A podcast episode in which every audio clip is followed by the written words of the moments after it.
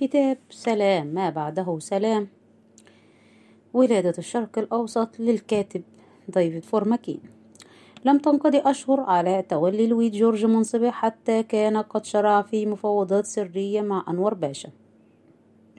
أحد زعماء حزب تركيا الفتاة.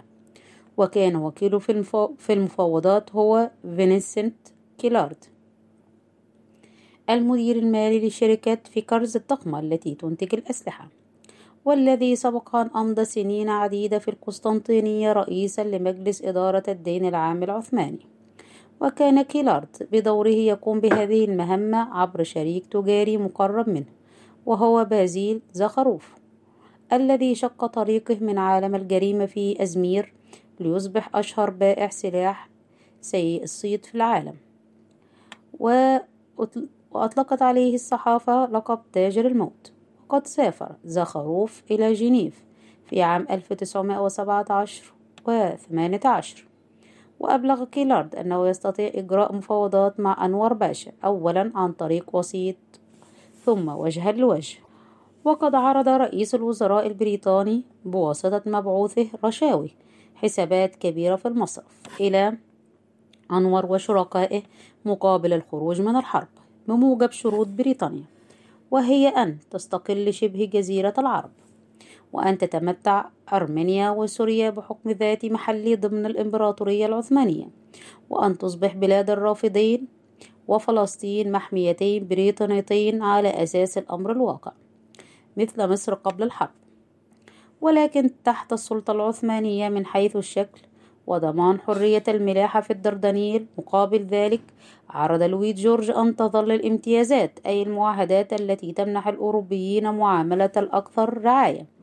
ملغاة. وتعامل تركيا معاملة مالية سخية لمساعدتها على إنعاش اقتصادها. لقد اختلفت الشروط التي عرضها لويد جورج بطريقتين هامتين عن تلك التي ارتأتها حكومة أسكويث السابقة. فرنسا وإيطاليا وروسيا لن تنال شيئا وبريطانيا ستنال فلسطين وبلاد الرافضين. تشير تقارير زخروف التي يصعب الحكم على مدى الصدق فيها إلى أن أنور بعد تبدلات زئبقية في التفكير والمزاج لم يقبل العرض الذي قدمه لويد جورج. ولا يبدو أنه كانت لديه النية جديا على الإطلاق أن يقبل العرض. ولكن التعليمات التي تلقاها زخروف تكشف نيات لويد جورج إزاء الشرق الأوسط. في جلسة سرية عقدها مجلس العموم البريطاني في العاشر من مايو عام 1917 فاجأ رئيس الوزراء حتى أحد معاونيه المقربين عندما قال دون أي لبس أن بريطانيا لن تتخلى عن المستعمرات الألمانية في أفريقيا المستولى عليها في الحرب. ولن تسمح لتركيا بأن تحتفظ بفلسطين أو بلاد الرافضين كانت لدى لويد جورج أفكار محددة بشأن مستقبل الدولة العثمانية. المحررة ولكن لا أحد من زملائه كان مطلعا عليها فهو قد تجنب القنوات الرسمية ولم يطلع أحد عليها بتفاصيلها سوى في مجرى مفاوضاته السرية مع أنور باشا. ومن هنا أهمية ما تكشفه. كان في نية رئيس الوزراء أن ينكر على فرنسا الوضع الذي كان سير مارك سايكس قد وعدها به في الشرق الأوسط بعد الحرب. ورأى أن اتفاقية سايكس بيكو ليست ذات أهمية وكل ما يهم هو الحيازة الفعلية وفيما يخص فلسطين فقد أبلغ السفير البريطاني لدى فرنسا في أبريل عام 1917 أن الفرنسيين سيجبرون على قبول أمر واقع. سنكون هناك بقوة الفتح وسنبقى. كان لويد جورج الرجل الوحيد في حكومته الذي أراد دائما استيلاء بريطانيا على فلسطين وأراد أيضا أن يشجع قيام وطن قومي يهودي في فلسطين. وعجز زملاؤه عن معرفة مدى شدة تمسكه بهذه الآراء. كانت لمعتقدات جورج خلفية يجهلها زملاؤه إلى حد كبير فهو خلافا لسكويث وأعضاء مجلس الوزراء الآخرين لم يدرس في مدرسة خاصة من المدارس البريطانية التي تشدد على تعليم اليونانية واللاتينية وآدابها وآدابهم القديمة. لقد تربى على دراسة الكتاب المقدس وكثيرا ما ذكر أن أسماء الأماكن الواردة في الكتاب المقدس يعرفها بأفضل مما يعرف أسماء المعارك والحدود المتنازع عليها في الحرب الأوروبية.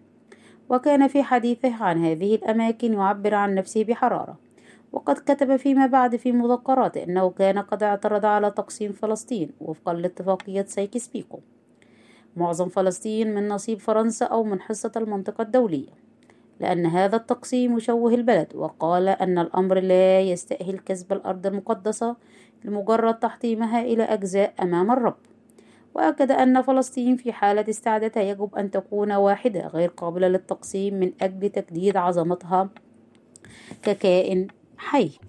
وخلافا لزملائه كان يعرف معرفة أكيدة وجود اتجاهات عمرها قرون في فكر اتباع الكنيسة الإنجيلية والمنشقين عن الكنيسة البروتستانية نحو تقدم الصفوف لإعادة اليهود إلى صهيون. وحقيقة الأمر أن هذه الاتجاهات شكلت خلفية عقيدته الانشقاقية عن الكنيسة وكان هو الأحدث في سلسلة طويلة من الصهاينة المسيحيين في بريطانيا. وتعود هذه السلسلة في بدايتها إلى الصفويين البروتستانت وإلى العصر الذي أبحرت فيه السفينة ميفلاور في طريقها إلى العالم الجديد. لقد كانت الأراضي الموعودة تخطر في البال كثيرا في تلك الأيام سواء في الولايات المتحدة أو في فلسطين.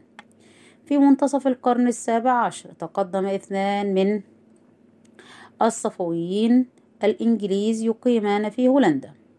جوان وابن عيزر كارتريت بنداء إلى حكومتهما قال فيه إن هذه الأمة الإنجليزية وسكان هولندا سيكونون الأوائل والأكثر استعدادا لنقل أبناء وبنات إسرائيل في سفنهم إلى الأرض التي وعد بها أجدادهم إبراهيم وإسحاق ويعقوب لتكون ميراثا أبديا.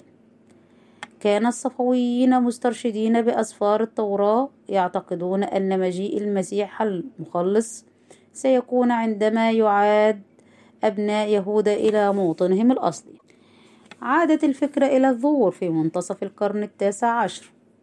أصبح المصلح الاجتماعي أنتوني كوبر والذي صار إيرل أوف شافسبوري مصدر إلهام لحركة إنجيلية قوية داخل كنيسة إنجلترا. هدفها إعادة اليهود إلى فلسطين وإدخالهم الديانة المسيحية وتسريع المجيء الثاني. وأوحى شافسبوري أيضا إلى بالمرستون وزير الخارجية وقريبه عن طريق المصاهرة بتوفير الحماية القنصلية البريطانية لليهود في فلسطين.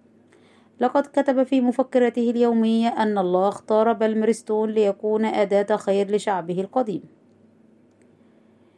تصرف بالمرستون بدافع مزيج من الأسباب المتعلقة بالمثل العليا والأسباب العملية التي لا تختلف عن الأسباب التي كانت حافز لوي جورج في القرن العشرين.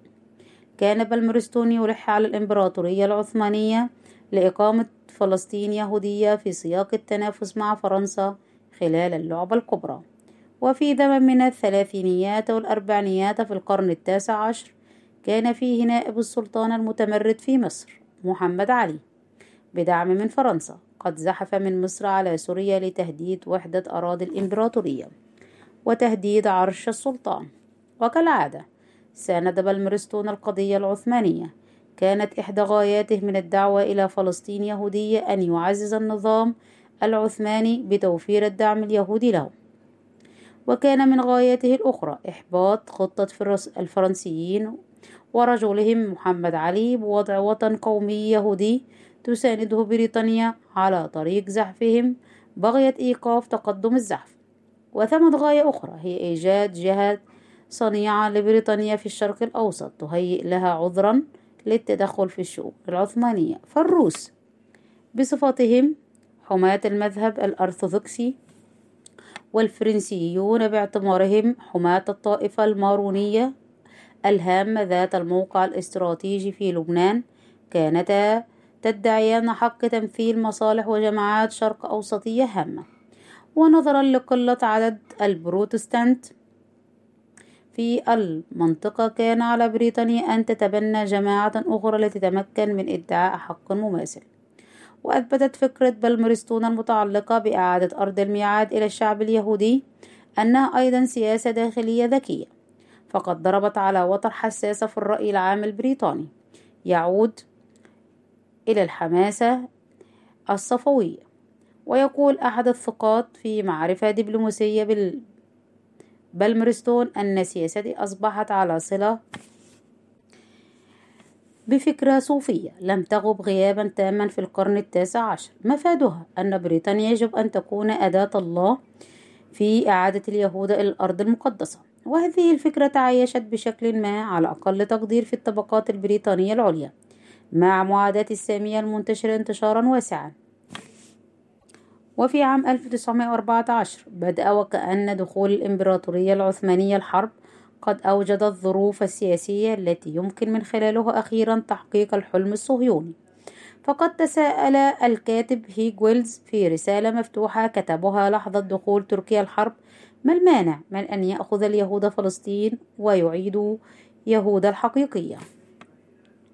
بعد ذلك بوقت قصير خطرت فكرة مماثلة في ذهن سير هربرت سمويل مدير البريد العام في وزارة أسكويث وأحد زعماء حزب الأحرار وأول شخص من العقيدة اليهودية يكون عضوا في مجلس الوزراء البريطاني. فقد أرسل في يناير 1915 مذكرة إلى رئيس الوزراء أسكويث مقترحا أن تصبح فلسطين محمية بريطانية لأنها ذات أهمية استراتيجية للإمبراطورية البريطانية.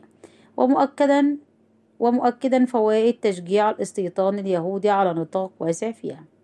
وكان رئيس الوزراء قد أنهى لتوه قراءة تانك كريت وهي رواية من تأليف بنيامين ديزرائيلي الزعيم البريطاني في القرن التاسع عشر الذي تنصر ولكنه ولد لأسرة يهودية وكان يدعو لعودة اليهود إلى فلسطين. وقد أسر سكويث لبعضهم أن مذكرة صمويل تكاد تكون طبعة جديدة من رواية تانكرد مع تغطية, تغطية الأحداث حتى الوقت الحاضر. واعترف بأنه لا يشعر بالميل إلى هذه الإضافة المقترحة إلى مسؤولياتنا ولكن المذكرة تصور تصويرا عجيبا مقولة إسرائيل الأثيرة على نفسه أن العراق البشرى هو كل شيء. وها نحن نرى أن هذا التصوير العجيب والذي يكاد يكون بأسلوب شعري إنما يتدفق من عقل هربرت سيمويل المنظم والمنهجي. في شهر مارس عام 1915 وزعت على مجلس الوزراء صيغة منقحة لمذكرات صمويل ولكنها لم تحظى بالتأييد وكان تعقيب أسكويث الخاص عليها أن من الغريب أن النصير الآخر الوحيد لهذا الاقتراح هو لويد جورج الذي لا حاجة به إلى القول لا يهتم أدنى اهتمام باليهود ولا بماضيهم ولا بمستقبلهم ولم يكن رئيس الوزراء على دراية بمجموعة الدوافع وراء الموقف الذي اتخذه لويد جورج الذي أبلغ مجلس الوزراء أن السماح بسقوط الأماكن المقدسة المسيحية في, في يد فرنسا الملحدة العلمانية هو أمر فظيع. وقد رأى سكويث غرابة في أن يدعو هربرت سمويل ولويد جورج إلى جعل فلسطين محمية بريطانية لمثل هذه الأسباب المختلفة أليس أمرا فريدا أن يكون بالإمكان التوصل إلى النتيجة نفسها بواسطة مثل هاتين الطريقتين المختلفتين؟ لقد كان في هذه الملاحظة شيء من التنبؤ بالمستقبل لأن المسؤولين البريطانيين الذين سلكوا في السنين التالية عدة طرق مختلفة قد توصلوا إلى استنتاج واحد.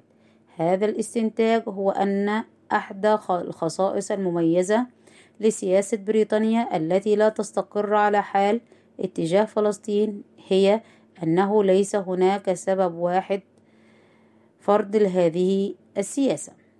لقد ألقى كيتشنر بوزن لقد ألقى كيتشنر بوزن سلطته الكبيرة ضد اقتراح صمويل. فقد قال للمجلس فقد قال لمجلس الوزراء أن فلسطين ذات قيمة ضئيلة من الناحية الاستراتيجية أو سواها وليس فيها مرفأ واحد لائق. ولذلك لم يأخذ مجلس الوزراء باقتراح صمويل ولكن لويد جورج ظل يخالف كيتشنر الرأي في أهمية فلسطين الاستراتيجية. انتهى التسجيل.